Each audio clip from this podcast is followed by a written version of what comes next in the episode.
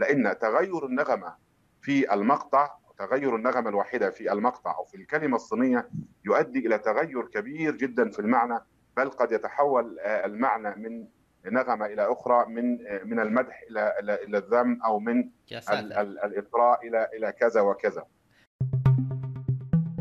بودكاست ألسن واحة من المعرفة اللغوية بالعربية. السلام عليكم ورحمة الله. مساءكم أو صباحكم سعادة شرقية. سعيا لتعزيز علاقات الصداقة والتعاون بين السعودية والصين وتعميق الشراكات في جميع المستويات أدرجت اللغة الصينية مقررا دراسيا في بعض مدارس السعودية. وتأتي هذه الخطوة إيمانا بأهمية التعاون والتواصل الثقافي بين الدولتين والشعبين. نتحدث اليوم عن الآفاق اللغوية للصينية في المملكة العربية السعودية مع الدكتور حسنين فهمي حسين. أستاذ اللغة الصينية والترجمة المشارك في جامعة الملك سعود. قبل أن نبدأ في زر في البرنامج الذي تسمعنا أو تشاهدنا منه للاشتراك في البودكاست. اضغطوا من فضلك لتستمر معنا ونتمكن وتتمكن أنت كذلك من الوصول إلى الحلقات السابقة بسهولة. ويا ليت نسمع رأيكم بالحلقة أو بالبودكاست عموما أو اقتراحاتكم للضيوف والموضوعات عبر بريدنا ألسن education. حياك الله يا دكتور. أهلا وسهلا سعاده الدكتور. أهلا وسهلا. يا مرحبا. ما الفكرة وراء يعني قرار السعودية إدراج اللغة الصينية للتعليم العام؟ آه، وتدريسها يعني هل اللغة الصينية تتميز عن غيرها في هذا المضمار؟ آه، نعم. آه، في الحقيقة يعني إذا تحدثنا عن الفكرة فهي يعني جزء من الانفتاح الكبير الذي تشهده المملكة العربية السعودية على كافة الثقافات وعلى كافة الدول خاصة الدول ذات الحضارات العريقة والثقافة العريقة والتي ترتبط بالعالم العربي والعالم الإسلامي بعلاقات صداقة وطيدة. فكانت هذه الفكرة ل يعني مد جسور التواصل مع جمهورية الصين الشعبية من خلال إدراج اللغة الصينية والانفتاح على اللغة والثقافة الصينية وعلى الصين عموما. والتي كانت من النتائج الطيبة والنتائج المباركة لزيارة سمو ولي العهد الأمير محمد بن سلمان إلى الصين والتي يعني فعلا سجلتها في أكثر من عمل لي بأنها كانت فاتحة خير وزيارة تاريخية للانفتاح انفتاح المملكة على الصين وعلى الثقافة الصينية. جميل.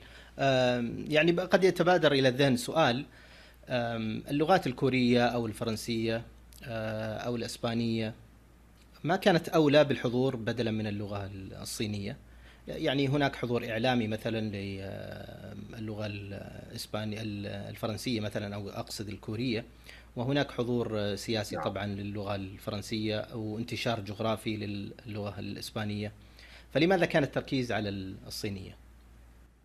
نعم يعني إذا تحدثنا عن اختيار اللغة الصينية من بين هذه اللغات طبعا نابع من التقدم الكبير الذي تشهده جمهورية الصين الشعبية التي تحتل الآن يعني الاقتصاد الثاني عالميا ويعني هناك طبعا توقعات كبيرة لأن تتبوأ المركز الأول في غضون السنوات القليلة القادمة. وأيضا من هذه العلاقات الطيبة التي تربط المملكة بالصين وتربط الصين بالعالم العربي والعالم الإسلامي خلال السنوات الأخيرة.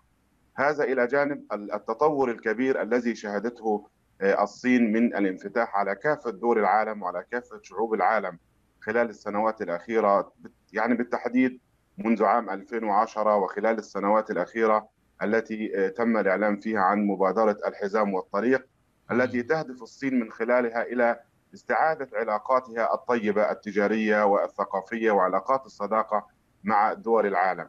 فالآن أصبحت اللغة الصينية من أهم اللغات المدرجة في كافة مراحل التعليم حول العالم في مختلف دول العالم يعني هناك الآن منصة مهمة للغة والثقافة الصينية خارج الصين وهي منصة معاهد وفصول كونفوشيوس أوجدتها الصين لكي تكون منصة ومركز لنقل اللغة والثقافة الصينية لكافة الأصدقاء حول العالم.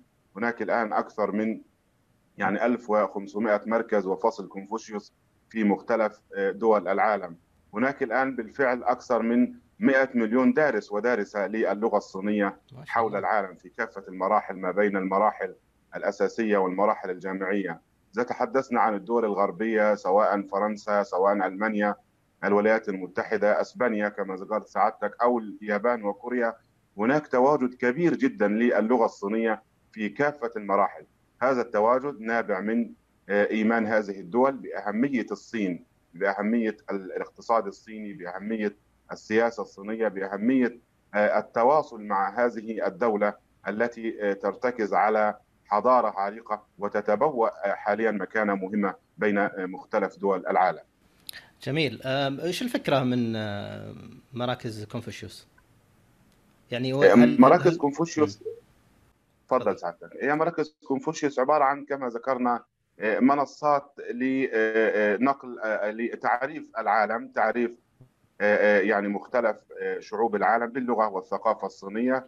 فأدرجتها الصين في بداية الأمر في عدد من الدول من خلال المراكز الثقافية الصينية الموجودة خارج الصين. ثم آه، آه، كانت المرحلة الثانية أن تكون هناك اتفاقيات ثنائية ما بين الجامعات الصينية وما بين الجامعات العالمية وما بين الهيئات والجهات الثقافية في مختلف دول العالم ونظيرتها في الصين لكي تكون آه، يعني منصات مهمة لدراسة اللغة الصينية لدراسة الثقافة الصينية لدراسة الفنون الصينية. فمعاهد كونفوشيوس الآن المنتشرة حول العالم ومنها بالفعل عدد غير قليل في آه، عدد من الدول العربية. والمملكة الآن فع- بالفعل بصدد آه، التوسع في هذا الأمر وتأسيس آه، مراكز كونفوشيوس لنشر اللغة والثقافة الصينية داخل المملكة. ففي هذه المعاهد كثيرا ما تعقد الدورات لتعلم اللغة الصينية للتعرف على الثقافة الصينية للتعرف على الفنون الصينية.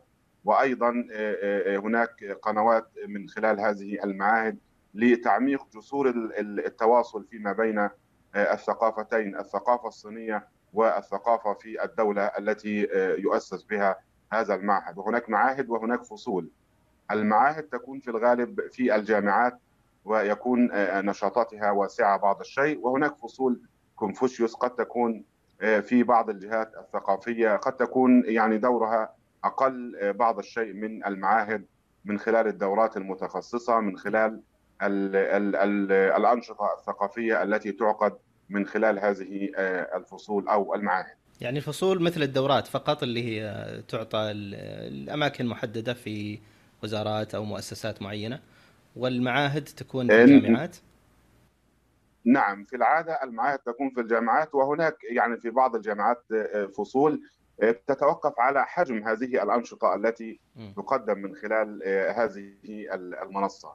يعني في الغالب المعهد يكون تواجده في الجامعة حيث الزخم الكبير لشباب الجامعات أيضا من خلال استغلال الجامعات المسارح والمنصات الثقافية المختلفة للتعريف بالثقافة الصينية لإقامة أنشطة ثقافية تبادلية.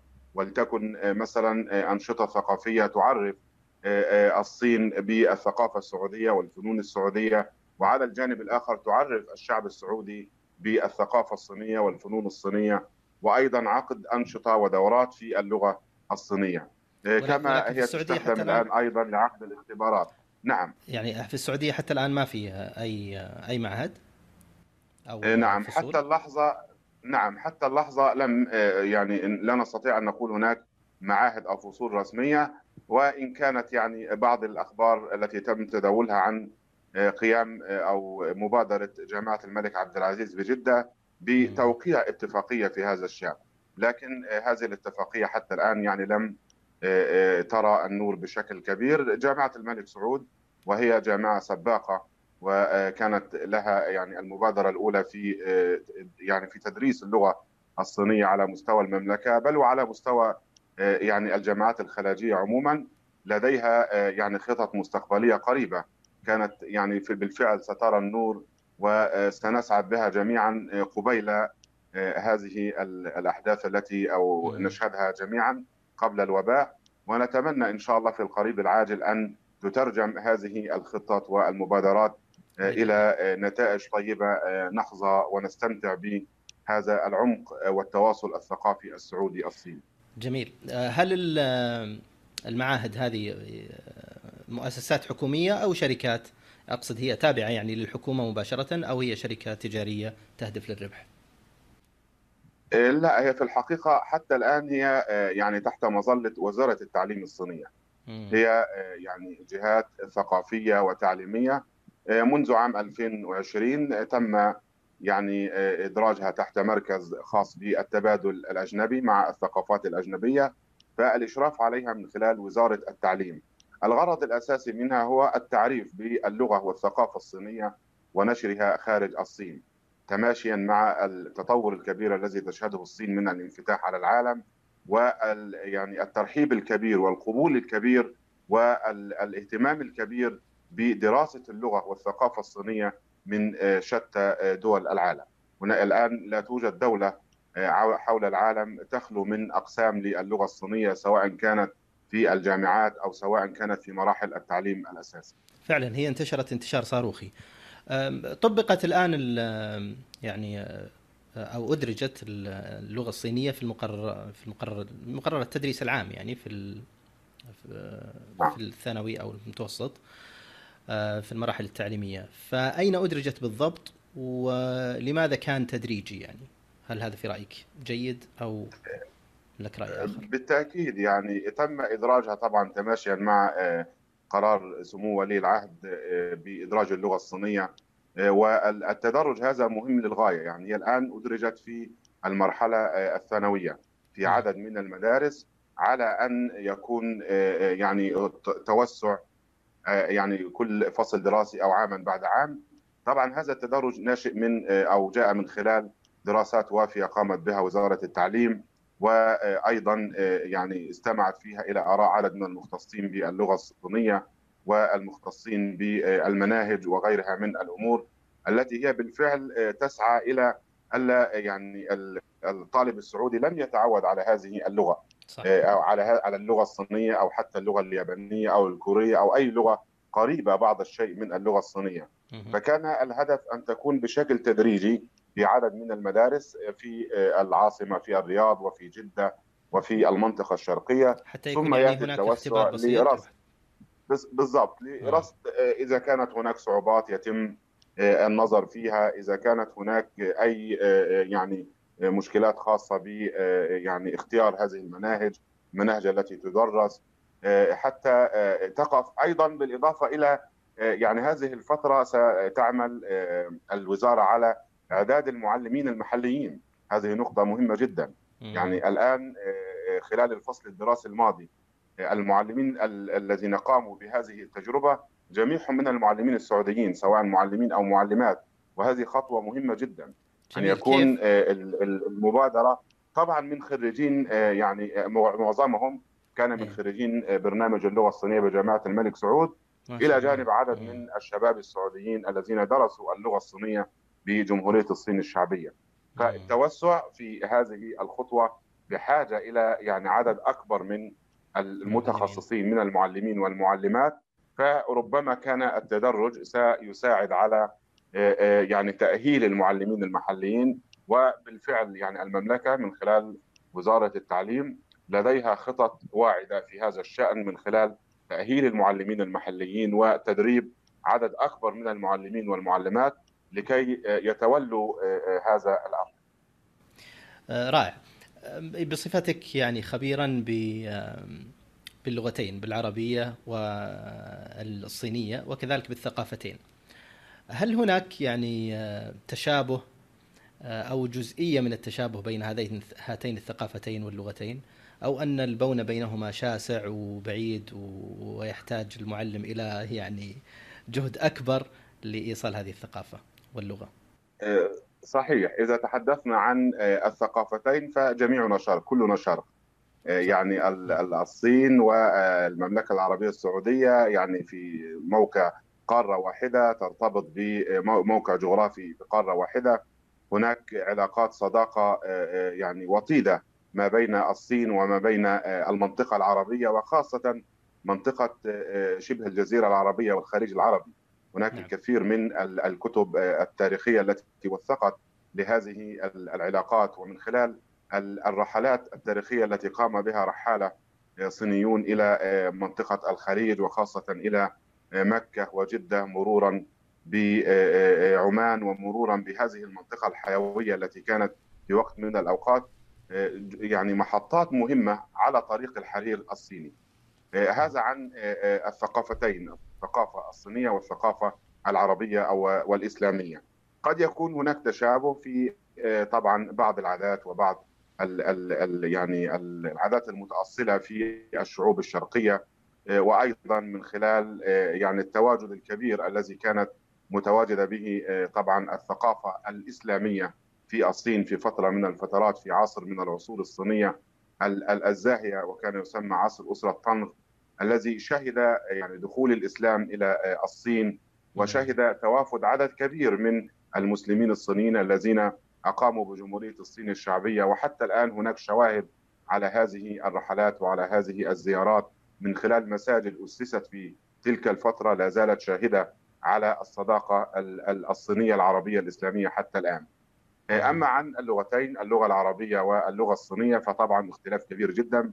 اللغة العربية يعني هناك الكثير من المختصين إذا تحدثوا عن أصعب لغات الأرض أو أصعب لغتين على وجه الأرض فهما اللغة العربية واللغة الصينية. هناك من يقدم اللغة العربية بالنظر إلى النحو والصرف وهناك من يقدم اللغة الصينية بسبب الكتابة بسبب الرموز الصينية.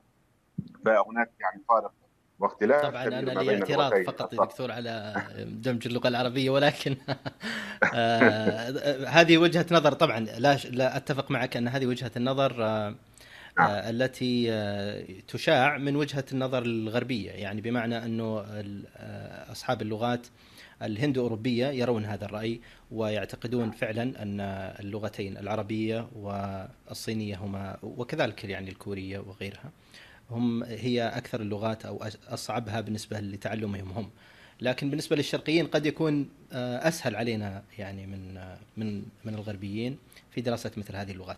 عموما سنأتي إلى هذا صحيح هذا إلى صحيح سنأتي إلى تفاصيل الفروقات بين اللغتين، لكن بشكل عام يعني من خلال تعلم أو إدراجها يعني الآن في التعليم العام، هل تعتقد أنه سيكون للغة الصينية شأن في التعليم وفي الثقافة العامة العربية مثل ما هو للغة الإنجليزية حاليا؟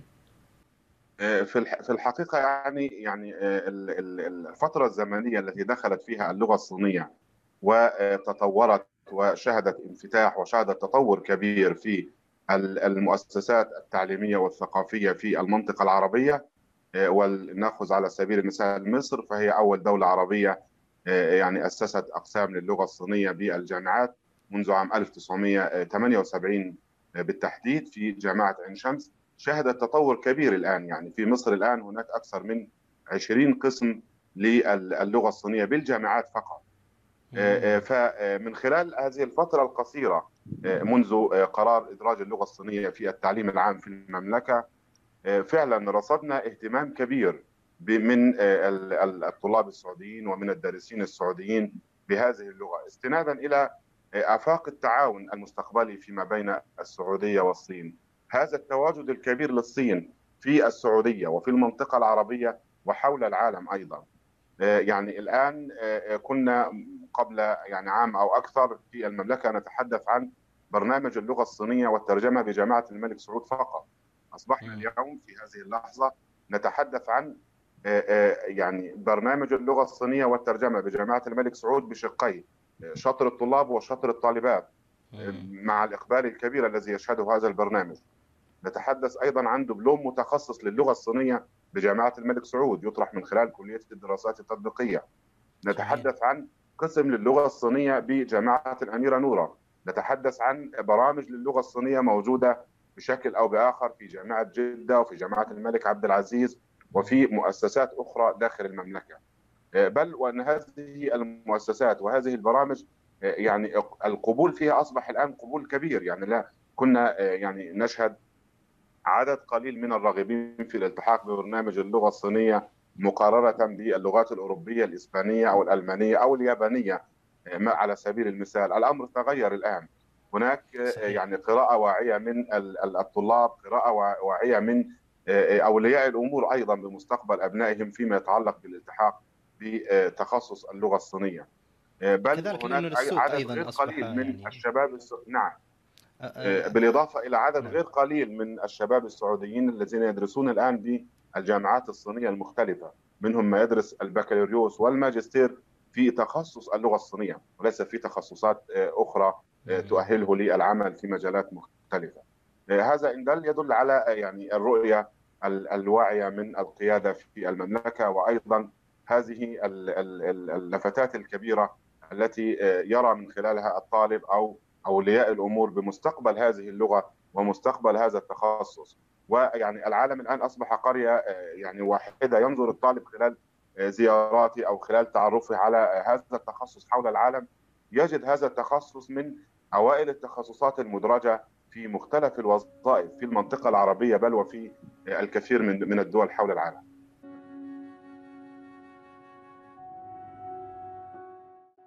بسم الله الرحمن الرحيم. الاسم دكتور حسنين فهم حسين أستاذ اللغة الصينية والترجمة المشارك. بجامعتي عين شمس وجامعة الملك سعود بالمملكة العربية السعودية حاصل على الليسانس والماجستير في اللغة الصينية وآدابها من جامعة عين شمس بمصر وعلى الدكتوراه في اللغة الصينية وآدابها من جامعة اللغات والثقافة ببكين بجمهورية الصين الشعبية. أعمل حاليا أستاذ اللغة الصينية والترجمة المشارك بكلية اللغات والترجمة جامعة الملك سعود. صدر لي عدد من الترجمات بين الصينية والعربية معظمها في مجال الترجمة الأدبية. صدر لي عدد من الترجمات لأديب نوبل الصيني مويان وللكاتب الصيني يوهوا والكاتب الصيني ليو جنوين وغيرها من الترجمات في مجال الترجمة الأدبية وأيضا عدد من الترجمات في مجال الاقتصاد والثقافة والمجتمع الصيني.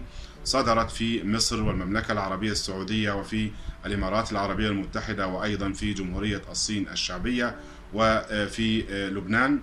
حصلت على جائزة المترجم الشاب في دورتها الأولى عن المركز القومي للترجمة بمصر في عام 2013 عن ترجمتي لرواية نوبل 2012 الذرة الرفيعة الحمراء للكاتب الصيني مويان كما حصلت أيضا في عام 2016 على جائزة الإسهام المتميز في الترجمة من جمهورية الصين الشعبية وهي أكبر جائزة تمنحها الصين للمترجمين الأجانب.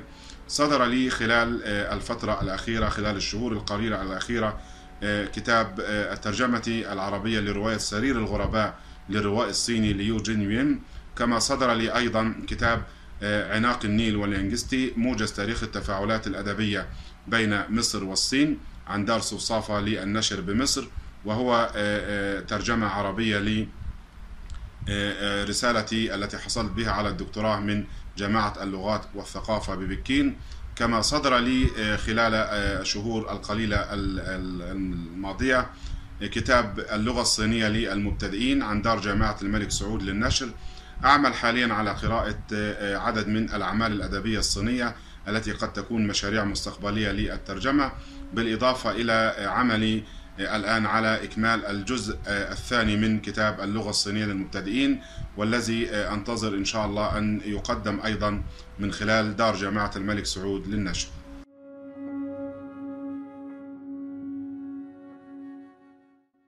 دعنا نغوص شيئا قليلا في يعني في اللغة الصينية وتركيباتها وأصواتها.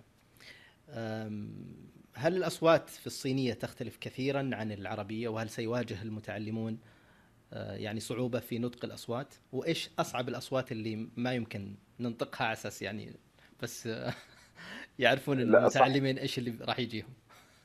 صحيح. يعني هو في الحقيقة صوتيات اللغة الصينية إذا تحدثنا عن بعض الصعوبات التي يواجهها الطالب الأجنبي عموما والطالب العربي على وجه التحديد ربما تكون صوتيات اللغة الصينية وأيضا الكتابة باللغة الصينية أي كتابة الرموز. لأن الصوتيات في اللغة الصينية ترتكز على حركات صوتية نسميها النغمات الصوتية. هناك أربع نغمات أساسية وبعض المتخصصين يضيف أن هناك نغمة ساكنة لكن تبقى أن هناك أربع نغمات أساسية. هذه النغمات الأولى نغمة تكون نغمة ساكنة والنغمة الثانية نغمة صاعدة والنغمة الثالثة نغمة يعني متوسطة ما بين الصاعدة والهابطة. وتأتي النغمة الرابعة نغمة هابطة.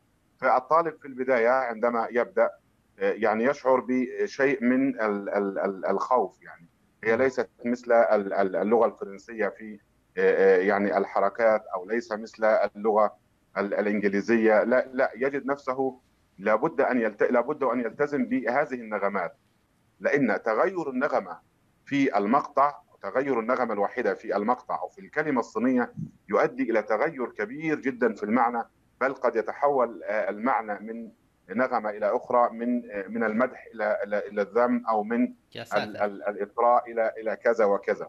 فإذا تحدثنا مثلا دائما ما نبدأ ببعض النغمات على سبيل طبعا التوضيح بام اي الحرفين اللاتينيين إم اي فنقول ما هي نغمة أولى. تعطي جزء من المقطع الصوتي لكلمة ماما باللغة الصينية. أما في حين طلعنا بالصوت ما فنجد نفسنا انتقلنا إلى نطق كلمة أخرى ولها كتابة ثانية مختلفة تعطي معاني مختلفة تماما على سبيل المثال مثلا بذور الكتان أو نبات الكتان أو غيره من النباتات. أما النغمة الثالثة ما ما نغمة متوسطة تعطي بمعنى مثلا الحصان أو أو يعني معاني مختلفة عن النغمة الأولى الأم أو الوالدة والنغمة الثانية الكتان أما ما تكون النغمة الرابعة الهابطة فتعطي أحيانا معنى يعني من باب عدم الإطراء أو أو توجيه اللوم انجاز التعبير وتعطي معاني بعيدة تماما عن هذه المعاني في النغمة الأولى والثانية والثالثة. فنجد في اللغة الصينية هذه النغمات الصوتية لابد أن يلتزم الطالب أو الدارس بهذه النغمات لأن تغير النغمة يؤدي إلى رمز آخر تكتب به الكلمة التي نطقت بهذه النغمة وهذا الرمز يحيلك إلى معنى مختلف تماما. أضف إلى ذلك أن الطالب لابد وأن يلتزم بها حتى لا يكون كلامه يسير على نغمة واحدة وبالتالي يفقد التركيز إلى من يستمع إليه لا يجد تركيز في الاستماع إليه بل ويكون يتحدث بنغمة غريبة جدا على المستمع لأن اللغة الصينية لا تسير بنغمة واحدة تسير بأربع نغمات متفاوتة. هذا إلى جانب الكتابة، الكتابة الرموز الصينية. اللغة الصينية ليس لها أبجدية مثلها مثل اللغات الأخرى. حتى أقرب اللغات إليها اللغة اليابانية واللغة الكورية وضعت نجحت في وضع أبجدية معينة يلتزم صح. بها الدارس. لكن اللغة الصينية حتى الآن نعم ليس لها أبجدية بل هي لغة تعتمد على الرموز الصينية. كل ما في الأمر أن المختصين الصينيين سعوا في الستينيات من القرن العشرين إلى وضع أبجدية صوتية تنطق بها هذه الرموز وتوضع النغمات على هذه الأبجدية الصوتية. لكن الدارس شيئا فشيئا يتخلى عن هذه الأبجدية ويكون تعامله وكتابته وقراءته واطلاعه الكامل بالرموز الصينية. وعلى الدارس أن يتعلم أو أن يحفظ جزء كبير من الرموز الصينية لكي يكون متخصص ويطلع ويكون باستطاعته الاطلاع والقراءة والترجمة في شتى المجالات باللغة الصينية. هي تكتب من الأعلى إلى الأسفل؟ إذا تحدثنا عن الكتابة الرمز يعني هناك الشكل العام تكتب من اليسار إلى اليمين وتكتب أيضا من أعلى إلى أسفل داخل م. الرمز الواحد. هناك الآن معظم الكتابات تكتب من اليسار إلى اليمين وإن كان هناك بعض الكتابات في خاصة في مجال الخط الصيني فنون الخط وهو من الفنون المهمة جدا في الصين. هناك بعض الأشعار القديمة واللوحات الفنية تكتب من اعلى إلى أسفل لأني بتخضع لجماليات الخط الصيني وجماليات فن الخط ما, ما الفرق بين التقليدي وال simplified أو ال traditional والمبسط؟ نعم هو التقليدي نقول هناك التقليدي والمبسط وفي بعض الأحيان يقول عنه المعقد والمبسط. كانت الرموز يعني مركبة أو معقدة بعض الشيء حتى عشية تأسيس جمهورية الصين الشعبية في عام 1949 فبعد تأسيس جمهورية الصين الشعبية بدأت الجهات المعنية في يعني النظر في صعوبة هذه اللغة وإمكانية التيسير على الدارسين بل وعلى أبناء الشعب الصيني أنفسهم. لأن الصين كما نعلم تتالف من 56 أقلية نعم في الكتابة. فبدأت مرحلة تبسيط الرموز. تبسيط هذه الرموز وفي مرحلة لاحقة كانت هناك مرحلة إيجاد الأبجدية الصوتية للرموز. فالآن نجد الرموز المبسطة التي تستخدم بشكل رئيس في جمهورية الصين الشعبية. وإن كانت الرموز التقليدية لا زالت موجودة حتى الآن في منطقة هونغ كونغ ومنطقة تايوان موجودة بشكل أو بآخر. لكن التعامل الآن فيما يتعلق بجمهورية الصين الشعبية ما ندرسه في جامعاتنا ما يدرس حول العالم. جزء كبير جدا منه كبير للغاية هو بالرموز المبسطة. أو باللغة الصينية السمبليفايد كما والمبسط أو الخط المبسط هل هو الذي يكتب من اليسار لليمين بينما المعقد يكتب من الاعلى للاسفل أو الاثنين؟ لا الاثنين الاثنين سواء في هذا الأمر. كل ما في الأمر أن الخط المبسط يعني ال ال الذي يعرف الخطوط المركبة نعم شكل شكلا. الذي يعرف الرموز المركبة باستطاعته قراءة الرموز المبسطة بكل بساطه أو بكل يسر وهناك رموز مبسطة قريبة أيضا من شكلها في الرموز المركبة أظن هناك محاولة سابقة لرومنة اللغة الصينية يعني كتابتها بالحرف اللاتيني وهذا موجود نعم. حاليا فهل يمكن مثلا للمتعلمين بدلا من استخدام هذه الرموز أن يستخدموا الحرف اللاتيني؟ لا هذه هي ما ذكرناها قبل قليل الأبجدية الصوتية. كل ما في الأمر أنهم اعتمدوا على الحروف اللاتينية لوضع الأبجدية الصوتية التي يوضع فوقها النغمات وهي تكون في البداية للدارسين. أيضا موجودة في المعاجم عند الكشف عن المعاجم أو في المواد الدراسية في البدايات. لكن الدارس المتخصص للغة الصينية لا سبيل له لتعلم هذه اللغة وإتقانها. بعيدا عن يعني ما تتميز به اللغة الصينية يعني الرموز الصينية هي من أهم السمات التي تميز اللغة صحيح. الصينية بل والتي يعني لا يتوقف الشعب الصيني أو المختصين الصينيين عن قول بأنها جزء أساسي ورئيسي من الهوية الصينية صحيح. ومكون رئيس من الثقافة والحضارة الصينية.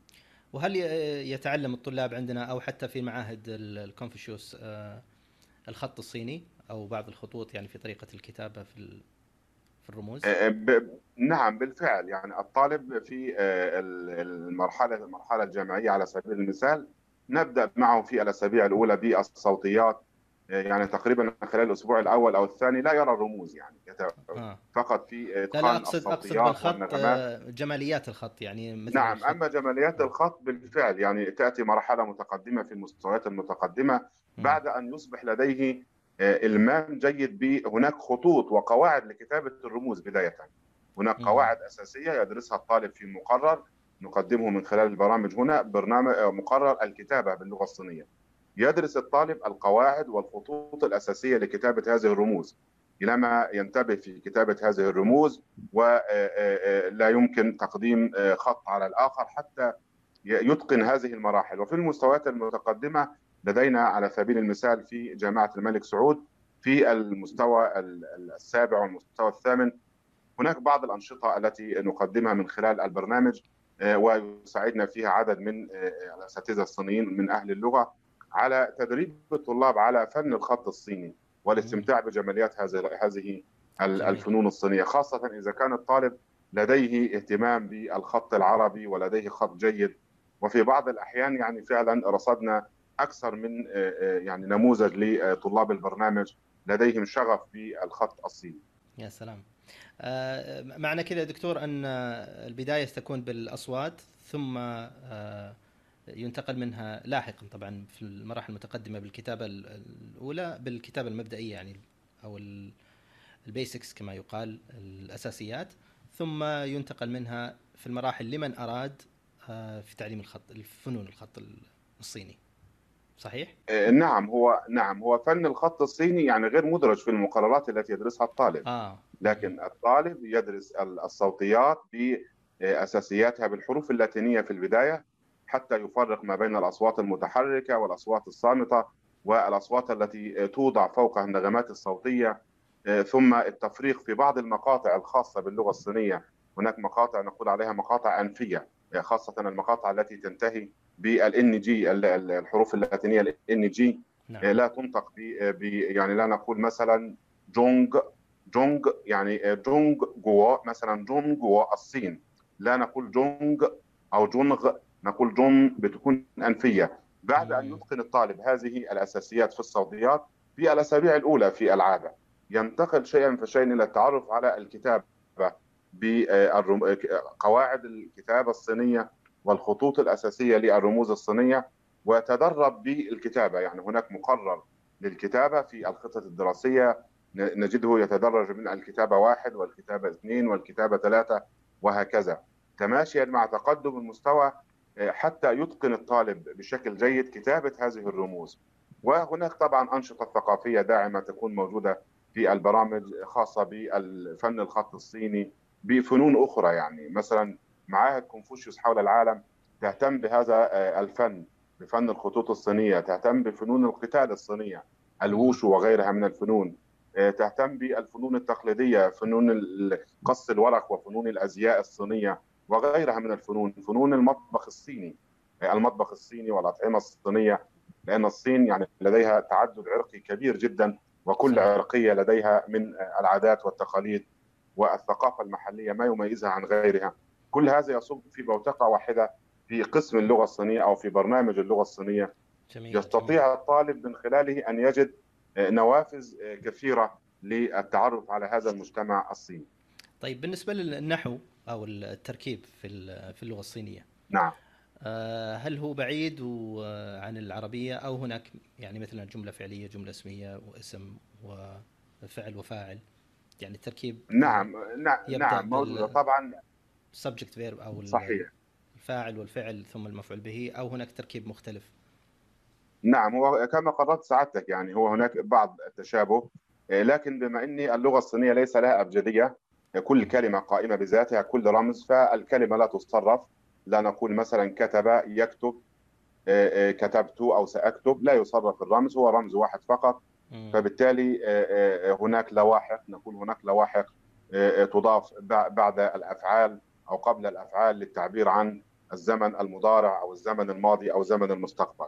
لكن الجملة عامة تتكون من جزئين رئيسيين المسند إليه أو باستطاعتنا أن نقول المبتدأ والخبر. والخبر قد يكون هناك خبر في فعل يعتمد على الفعل.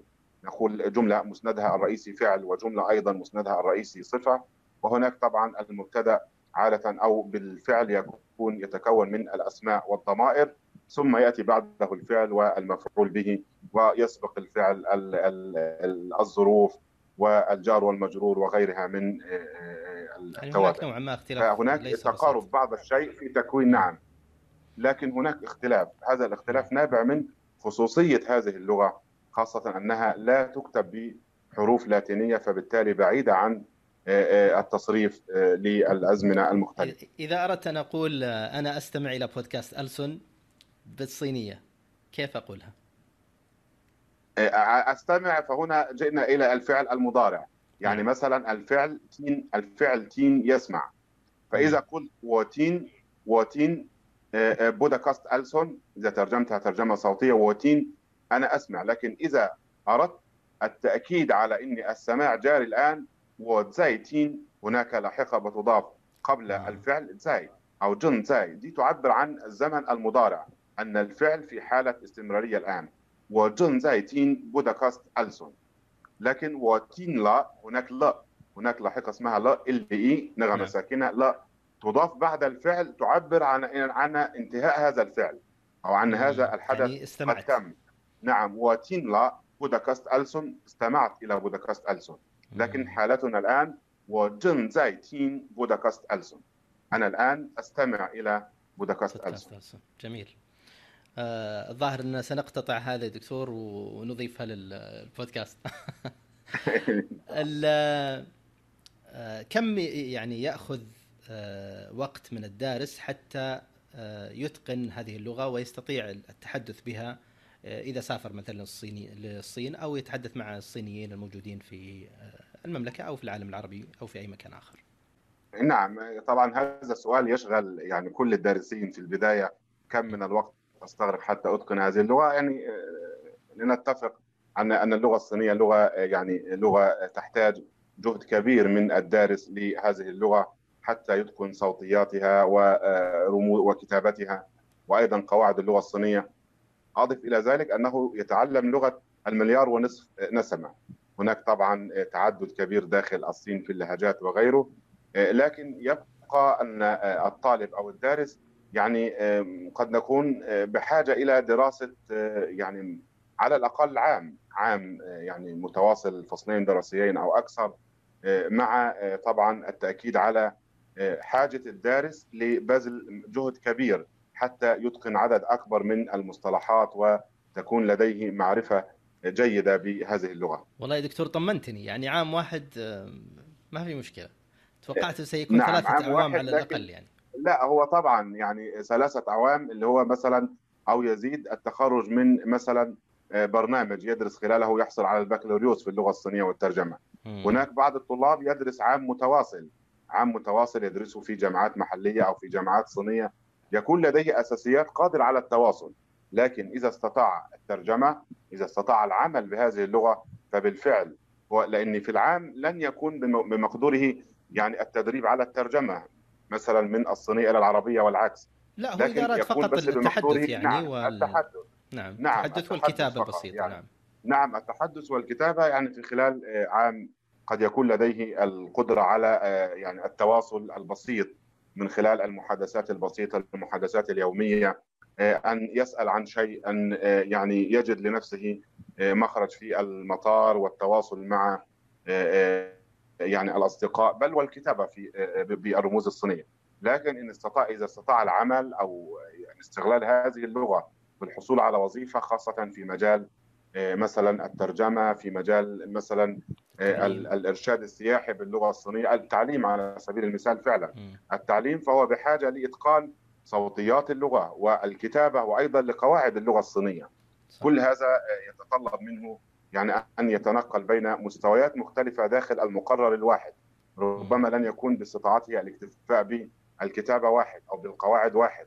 سيكون ب يعني استطاعته أن يتدرج من الكتابة واحد إلى الكتابة اثنين ومن القواعد واحد إلى اثنين وثلاثة وأن يأخذ وليكن أساسيات الترجمة من الصينيه إلى العربية والعكس. جميل يعني أنا أتساءل ما شاء الله عليك دكتور أنت مهتم بالأدب الصيني والثقافة الصينية واخذتنا في طواف حول المأكولات الصينية والثقافة عموما والألبسة وكذا ولك عدد من المؤلفات والترجمات في حول هذه الأمور. من أين أتى هذا الاهتمام؟ وما العلاقة بين الدكتور حسنين واللغة الصينية؟ والله كانت يعني البداية في الحقيقة يعني بداية النشأة في صعيد مصر كان هناك ولع ب يعني اللغات الأجنبية ويعني حب كبير لي منذ المرحلة يعني المتوسطة باللغات والحمد لله كنت متفوق بعض الشيء في اللغة الإنجليزية واللغة الفرنسية هي كانت لغتي الثانية في المرحلة الثانوية. ثم جاء الالتحاق التفوق المرحلة الثانوية والالتحاق بالمرحلة الجامعية. فكان يعني اختياري الأول التخصص الأول هو اختيار كلية الألسن بجامعة عين شمس وكانت في تلك الفترة هي الكلية الوحيدة على مستوى الجامعات المصرية. كلية الألسن كانت هي الوحيدة التي تدرس أكثر من عشر لغات أجنبية بالإضافة إلى اللغة الإنجليزية والفرنسية. فبعد الالتحاق طبعا بدأت أبحث عن لغة جديدة يعني. اللغة الإنجليزية أعرفها واللغة الفرنسية برضو أعرفها. بحثت عن اللغات الجديدة فوجدت من بين هذه اللغات يعني اللغة الصينية. لم تكن هناك اللغة اليابانية والكورية مدرجة في أقسام كلية الألسن. هي الآن مدرجة بالفعل لها قسم اللغة اليابانية واللغة الكورية. وجدت اللغة الصينية. والألمانية. نعم والألمانية والتركية والعبرية والفارسيه كل هذا كان موجود لكن بحثت عن شيء جديد يعني يأخذني إلى عالم جديد وبالفعل كنت أسمع طبعا منذ الصغر عن الصين. كنا نشاهد الفنون القتالية الصينية ونجد الرموز مكتوبة على الشاشة في بعض الأحيان. صح. فوجدت شيء من يعني ال ال الاهتمام أو الرغبة الذاتية في يعني التعرف على هذه اللغة. فجاء الالتحاق بقسم اللغة الصينية بجامعة عين شمس بالتحديد في عام 1996 حتى تخرجت فيه عام 2000 بفضل الله كان بمعدل فائق وبترتيب الأول على دفعتي في ذلك الحين وكان يعني هذه الفرصة العظيمة ب يعني اختياري للعمل بالجامعة. فتحت أمامي طبعا آفاق كبيرة لمزيد من التعرف على الثقافة الصينية والشعب الصيني والمجتمع الصيني. فبدأ اهتمام كبير لدي بالأدب الصيني وبالثقافة الصينية جنبا إلى جنب مع اهتمامي بأبحاثي في اللغة الصينية. هل يعني تعلمت اللغة الصينية بالكامل في مصر أم انتقلت إلى الصين ودرست هناك؟ نعم كانت مرحلة الليسانس أو البكالوريوس هي في جامعة عين شمس وبعد البكالوريوس سافرت إلى الصين في مرحلة الماجستير يعني نصفه كان في مصر والنصف الآخر في الصين ثم عدت إلى مصر انتهيت من الماجستير ثم كانت الحصول على درجة الدكتوراه كاملة من جامعة اللغات ببكين وهي أهم جامعة صينية لتعليم أو لتدريس اللغة الصينية لغير الناطقين بها. فكان كانت الدكتوراه بفضل الله من الصين حصلت عليها من جامعة اللغات ببكين في عام 2008 وكنت بالمناسبة أيضا أول باحث عربي يحصل على الدكتوراه من هذه الجامعة. كان فيما قبل يعني يعني الباحثين من يحصل على الدكتوراه في الغالب كان يحصل عليها من بلده في مصر أو في أي دولة كانت جامعة اللغات أضافت أيضا في قبيل يعني تقريبا قبيل عام 2005 مرحلة الدكتوراه وحصلت عليها في 2008 في مجال الأدب المقارن والأدب العالمي. وش كانت الرسالة فيه دكتور؟ كانت رسالتي بفضل الله قمت بعدد من الدراسات المقارنة بين الأدب الصيني والأدب العربي عامة وكانت معنونه الحديث في مصر ونشرت يعني الرسالة الحمد لله من دار العلوم الاجتماعية للنشر التابعة للأكاديمية الصينية للعلوم الاجتماعية نشرت باللغتين باللغة العربية وباللغة الصينية. ما شاء الله تبارك الله. حكينا عن أفضل الترجمات وأقربها إلى قلبك. يعني ما هي هذه الترجمة وإيش يعني وليش اخترتها و... يعني كما تعلم سعادتك يعني إن كل ترجمة تأتي بعد يعني قراءة واعية واختيار وتدقيق من المترجم فكل ما ينجزه المترجم يرى أنه جزء يعني مقرب اليه ومهم بالنسبة له هذه إجابة دبلوماسية. دائما الشعراء يقولون دائما الشعراء يقولون قصائدي كأبنائي لا أفرق بينهم بس في الحقيقة في أنا نعم. أنا لست شاعر فلم آتي إلى هذا المعنى وإن كان هو بالفعل موجود. نعم. لكن ربما يكون يعني كانت بداية يعني أعمالي في مجال الترجمة الأدبية كانت يعني رواية نوبل 2012 رواية الذرة الرفيعه الحمراء للكاتب الصيني مويان الذي حصل على نوبل. كنت قد تعرفت على السيد مويان خلال دراستي للدكتوراه في الصين. تعرفت عليه عن إليه عن قرب وشاركت في أكثر من ندوة له. وبل واخترت هذا العمل اخترت هذا العمل وأنا طالب في مرحلة الدكتوراه. قرأته بتمعن أكثر من مرة. ثم كان بيني وبينه تواصل ل يعني يعني توضيح بعض الأمور في أدب مويان وفي لغته وفي عالم مويان الروائي. فكانت الترجمة الأولى التي بالفعل أرى أنها كانت يعني مرحلة مهمة جدا في مشواري في مجال الترجمة الأدبية هي رواية الذرة الرفيعة الحمراء لمويان التي صدرت طبعتها الأولى في مطلع عام 2013 في يناير بالتحديد 2013 عن المركز القومي للترجمة بمصر. وكانت أول ترجمة عربية لأعمال مويان وبالمناسبة إن شاء الله يعني من خلال بودكاست ألسون نعلن أيضا أنها ستطبع طبعة الثانية من هذه الرواية ما شاء الله. خلال الشهور قبيل انتهاء عام 2020 إن شاء الله أيضا بالتواصل والتنسيق مع السيد مويان. ستكون هناك طبعة جديدة من هذه الرواية. فأعتقد أن ترجمت للسيد مويان أيضا أكثر من عمل. أرى أن ترجماتي للسيد مويان لعالم مويان الروائي وأيضا للكاتب الصيني البارز يو هوا وله أكثر من ترجمة عربية من خلالي ومن خلال عدد من الزملاء المترجمين ربما تكون هذه الأعمال يعني من أهم الأعمال التي يعني تركت بصمة مهمة لدى القارئ العربي والتي أرى أنني استطعت من خلالها تقديم جوانب مهمة من الأدب الصيني للقارئ العربي. جميل جميل جدا دكتور. آه نحن شرفنا على الانتهاء وأنا ما ودي الحقيقة لأنه يعني هناك آه نحن في بستان صيني واتخيل كذا الإنارة الصينية يعني. آه ما نصيحتك يا دكتور لمتعلم اللغة الصينية؟ إذا حاولنا أن نوجز هذه النصيحة في دقيقة. نعم. هو طبعا النصيحة الأولى التي أكررها لطلابي ولمن يسألني في هذا الشأن عدم التعجل في دراسة هذه اللغة. هذه اللغة لا تحتاج إلى العجلة لا تحتاج إلى التعجل في دراستها وأن يبدأ الطالب حسب ما يعني تفيد به المراجع والكتب والمختصين بالتدريب الجيد على صوتيات اللغة حتى يكون تأسيسه تأسيس جيد ومنها ينتقل إلى المستويات المتقدمة الخاصة بالكتابة الخاصة بالقواعد وغيرها. عدم التعجل والالتزام قدر الإمكان باللغة الصينية النموذجية أو المعيارية التي هي تدرس من خلال طبعا الجامعات الرئيسة في الصين حتى لا يجد نفسه مشتت ما بين المبسطة والمركبة والمعقدة وهذه الأمور.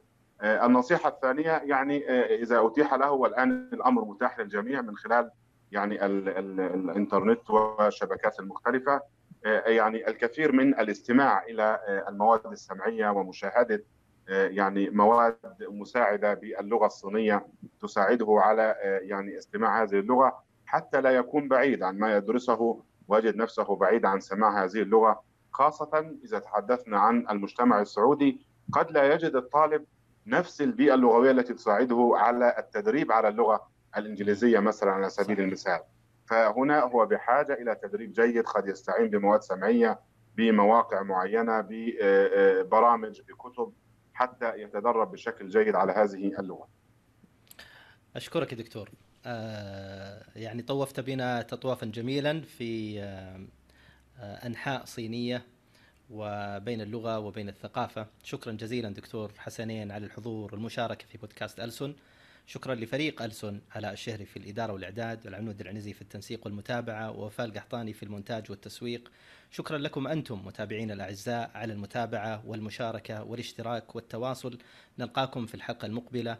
حتى ذلكم الحين اطلبوا العلم واللغة ولو في الصين. ولئلا تفوتكم حلقة واحدة. اشتركوا في البودكاست أينما تفضلون. في أبل بودكاست جوجل بودكاست يوتيوب أو أي تطبيق يناسبكم. شاركونا الرأي وتابعونا على تويتر وإنستغرام وفيسبوك ألسن بودكاست. وتواصلوا معنا دائما عبر بريدنا الإلكتروني ألسن فاز education. نسعد بجميع مشاركاتكم واقتراحاتكم. هذا البودكاست من إنتاج فاز لاستشارات وتقنيات اللغات.